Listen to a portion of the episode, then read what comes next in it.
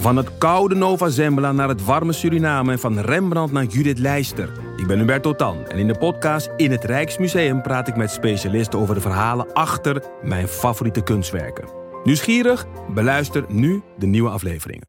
Liegen over een mondkapjesdeal die je hebt gesloten met de overheid. Een deal waarmee je miljoenen hebt verdiend. Dat doet toch alleen Siewert van Liende? Nou, nee. Ik ben Felicia Alberding en in de Mondkapjesmiljonairs duik ik met een team van correspondenten in andere schandalen. Want wist je dat Siewert helemaal niet uniek is? Luister de Mondkapjesmiljonairs in je Podimo-app. Of ga naar podimo.nl slash mondkapjes. En probeer Podimo 30 dagen. podimo.nl slash mondkapjes. Hallo, dit is de wekelijkse podcast van de Groene Amsterdammer. En ik ben Kees van der Bos.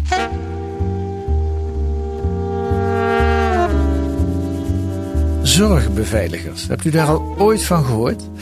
Waarschijnlijk niet. Het is een nieuwe functie die eerder niet bestond in de GGZ, de geestelijke gezondheidszorg. Instellingen worden geteisterd door personeelstekort. Daarover schreven Roos Menkhorst en Katrien Spijkerman al eerder in De Groene. En deze week wijden ze ons in in de wereld van de zorgbeveiliger. Welkom Katrien en Roos. Hallo. Um, nou, laten we de koe meteen bij de horens vatten. Wat is dat, een zorgbeveiliger? Ja, kijken jullie elkaar aan. Wie gaat er beginnen? Uh, ja, ik ga. Roos.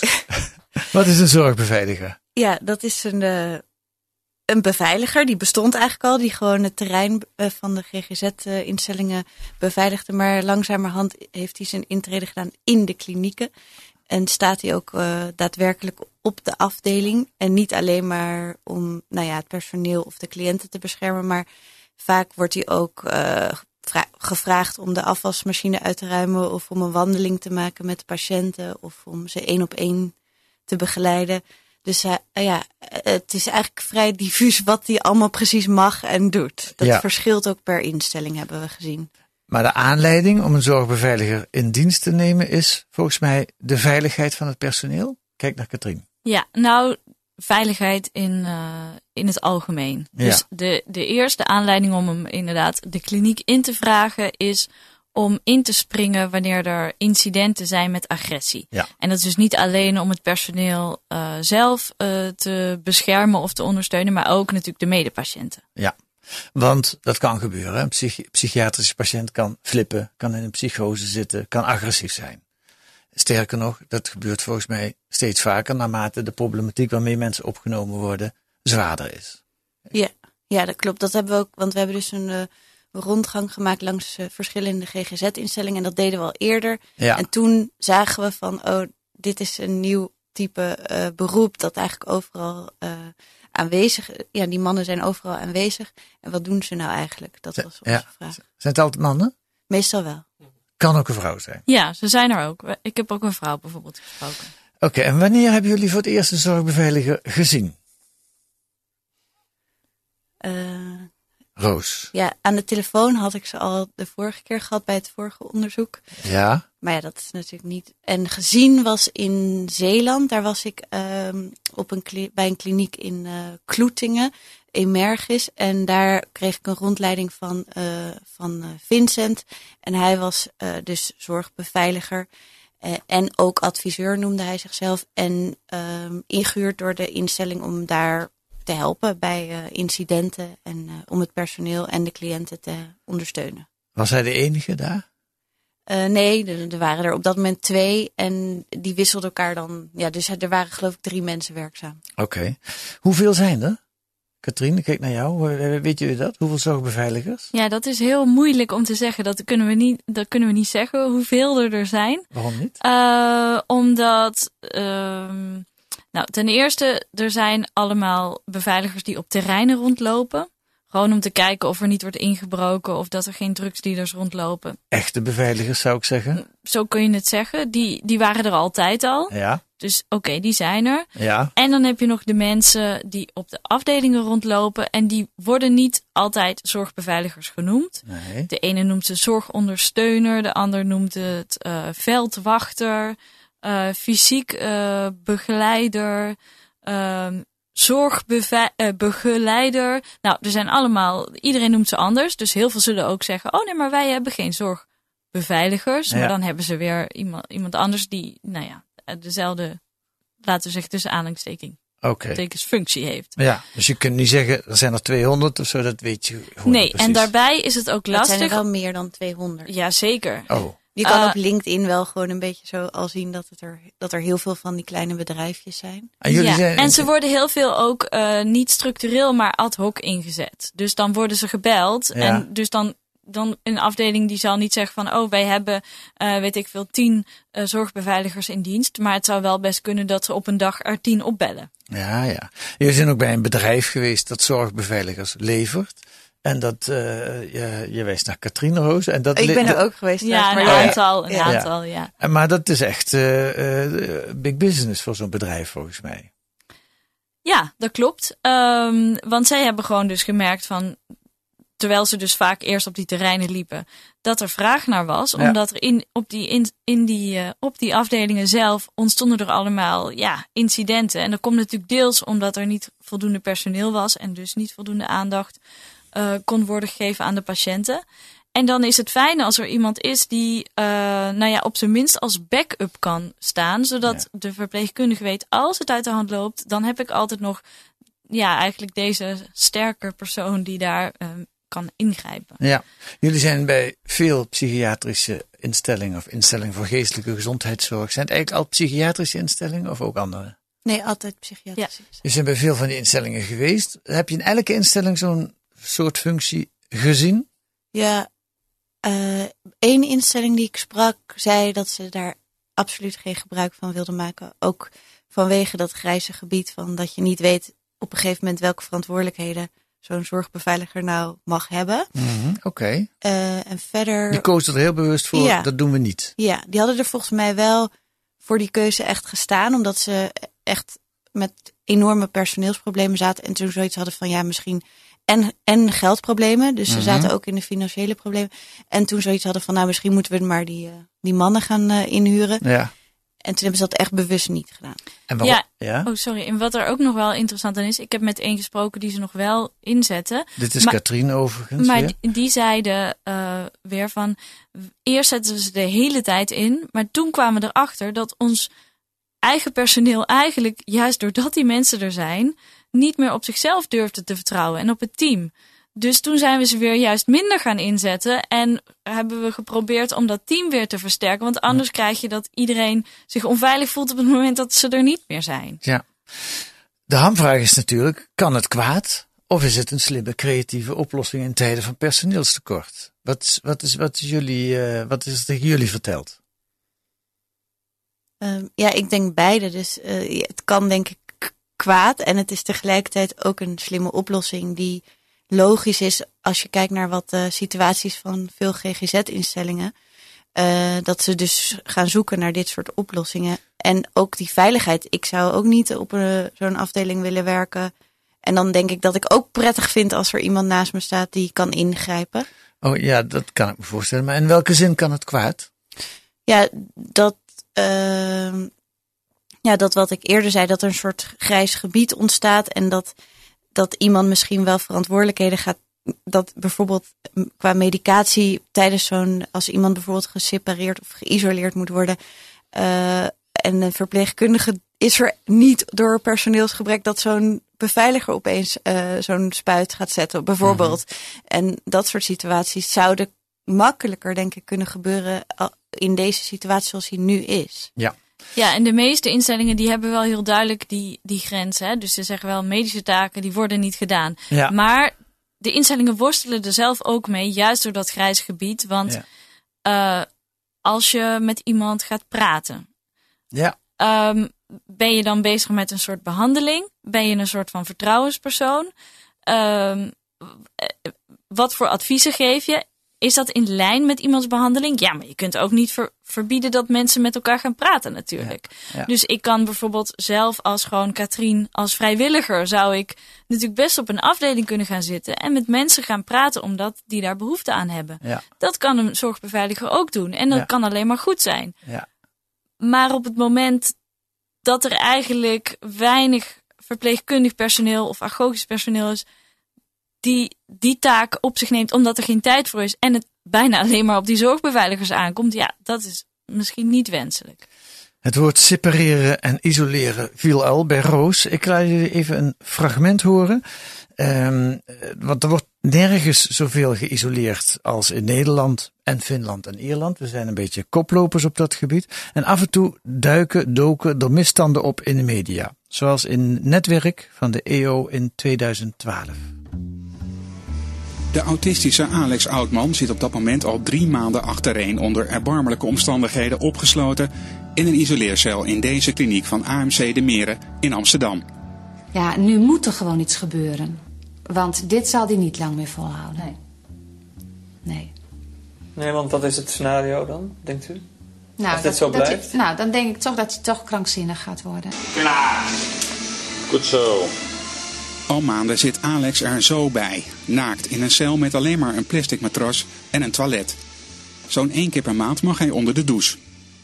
Dag in dag uit wordt hij omringd door de vier muren van zijn isoleercel. Personeel komt alleen langs om hem eten en drinken te brengen. Dit was in de kliniek van AMC De Meren in Amsterdam.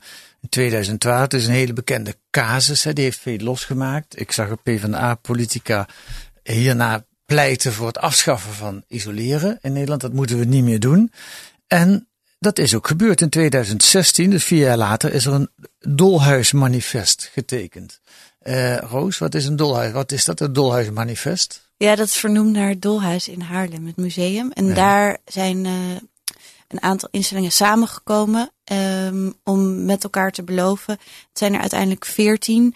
Eh, Groot, hè? 14 grote ja. instellingen. Ja, en ze- alle grote zitten erbij. Ehm, en, en daarin hebben ze verklaard dat ze per januari, dus eh, vijf maanden, vanaf nu 2020 niet meer separeren. Of niet meer de isoleercel zullen gebruiken. Ja, dus dat, het is bijna afgelopen. dat dachten wij ook. Ja, Ja. maar. Maar ja, eh, aan de andere kant, dat dachten wij ook. Dat hoopten wij misschien ook. Maar eh, eh, als je keek naar het vorige onderzoek en naar de personeelstekorten en naar de problemen, toen dachten we al van nou, dat wordt waarschijnlijk gewoon onmogelijk om dat te halen. En toen zijn we begonnen met een soort eh, rondgang langs de instellingen met de vraag: hey, jullie hebben dat ondertekend. Hoe staat het ervoor? Hoeveel van die cellen hebben jullie nog? Ja. En gaan jullie het halen? Ja, en En- wat komt daaruit? ja, dat geen van alle die we gesproken hebben het gaat halen. Dus eh, het gaat niet lukken. En sommigen zeggen zelfs, ja, moeten we überhaupt dat willen in deze situatie waarin er zoveel agressieve, agressiviteit is op die afdelingen?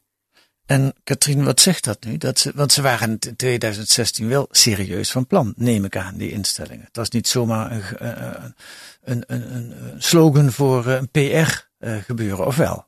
Eh, nee, ik denk nee. Ze, ze waren dat wel echt van plan. Hmm. Eh, het is ook zo, je zei eerder, eh, ze zijn koploper separeren in Nederland.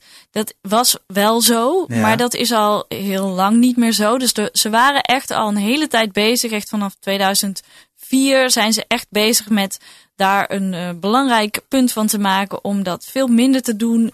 Die isoleercellen te sluiten. Dus daar waren ze al heel goed mee bezig. En ze dachten waarschijnlijk van oké, nu even de soort van de eindsprint eh, vanaf 2016. Eh, in 2020 gaan we dat niet meer doen. Nee. Nou, dat is dus niet gelukt. En wat zegt dat, vraag je? Ja, Nou, deels dat eh, de tijden zijn veranderd. Want dat zeggen ook de, de instellingen zelf. In die tijd hadden we nog niet zoveel personeelstekort. Eh, deels ook dat de patiëntenpopulatie veel, zoals zij dat dan noemen, zwaarder geworden is.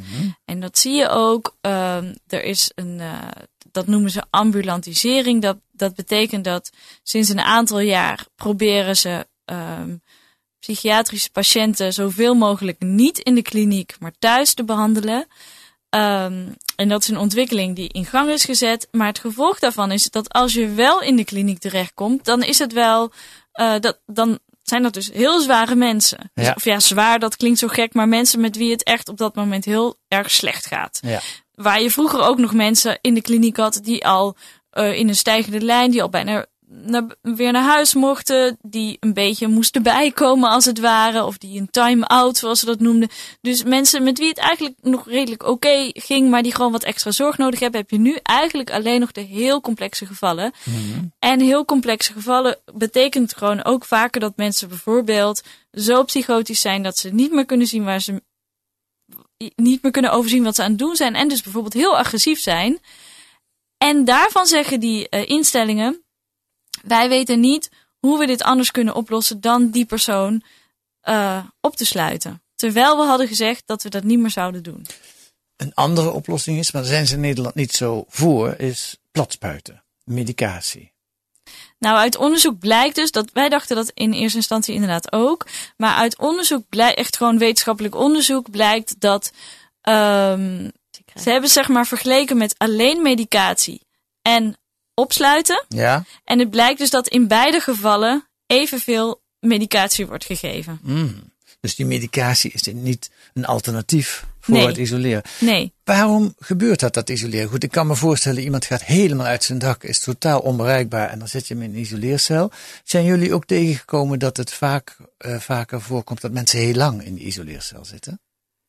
Ja, nou ja, Ja. Ik, ja, ik had twee patiënten of gesproken, die waren nog best wel jong in de twintig en die zaten al vanaf hun achttiende eh in de GGZ. En, en één meisje die had sowieso, geloof ik, eh, twee, drie weken achter elkaar in de isoleercel gezeten. Hm. En dat is dus niet zo heel lang geleden.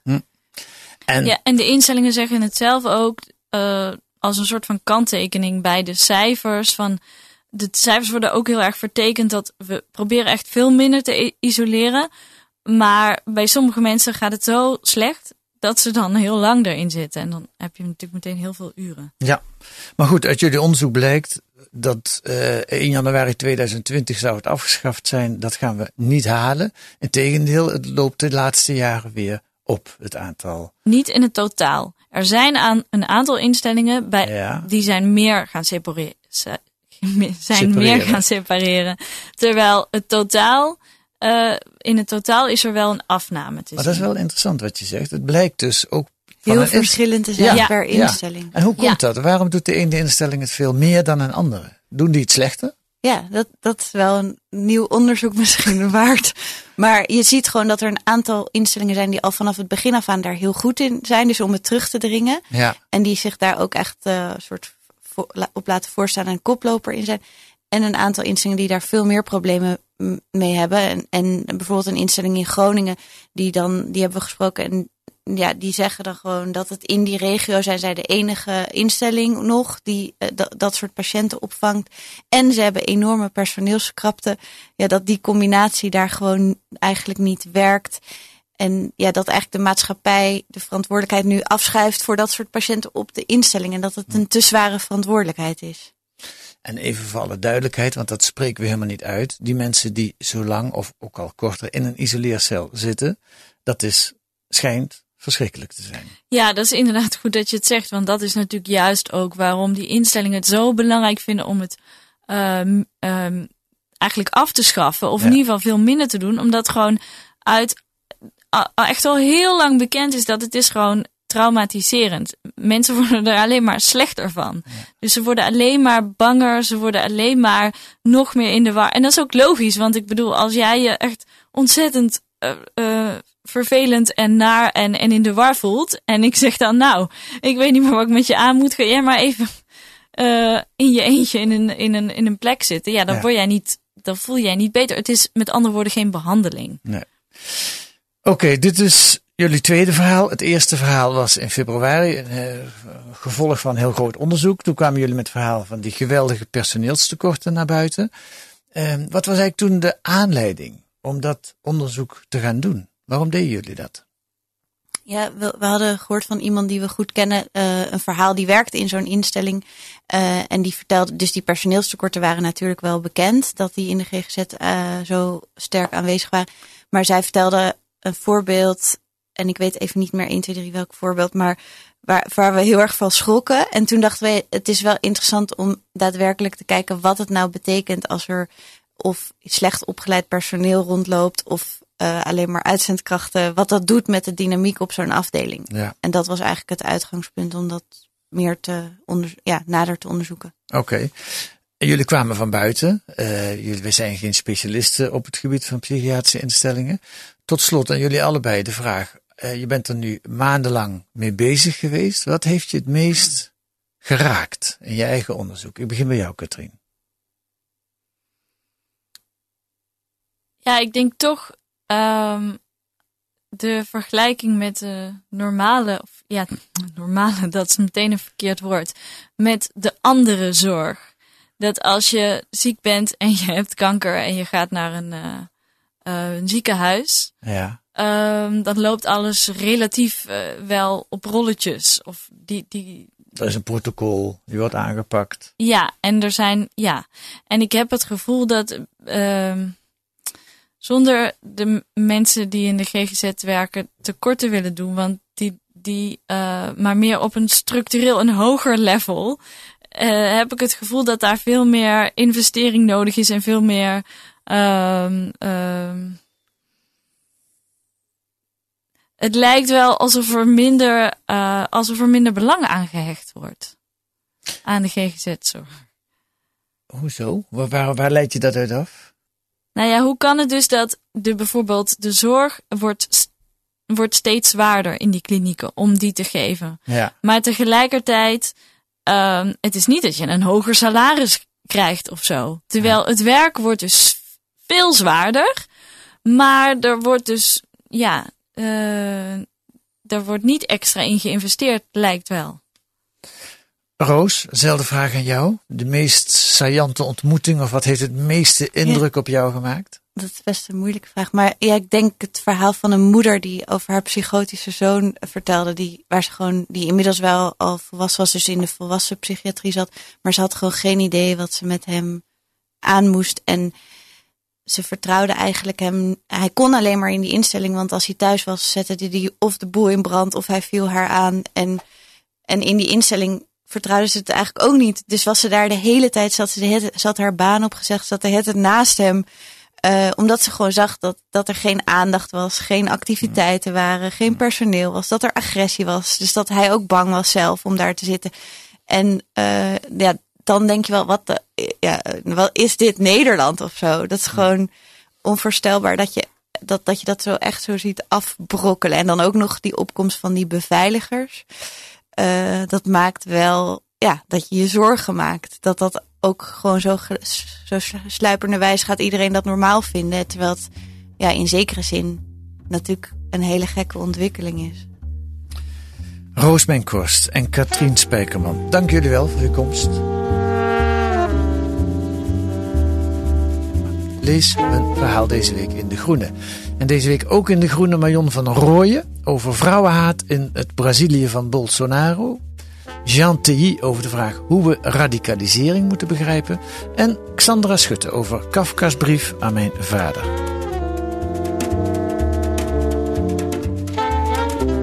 En volgende week zijn wij er weer met analyses en achtergronden bij het nieuws in deze podcast van de Groene Amsterdammer.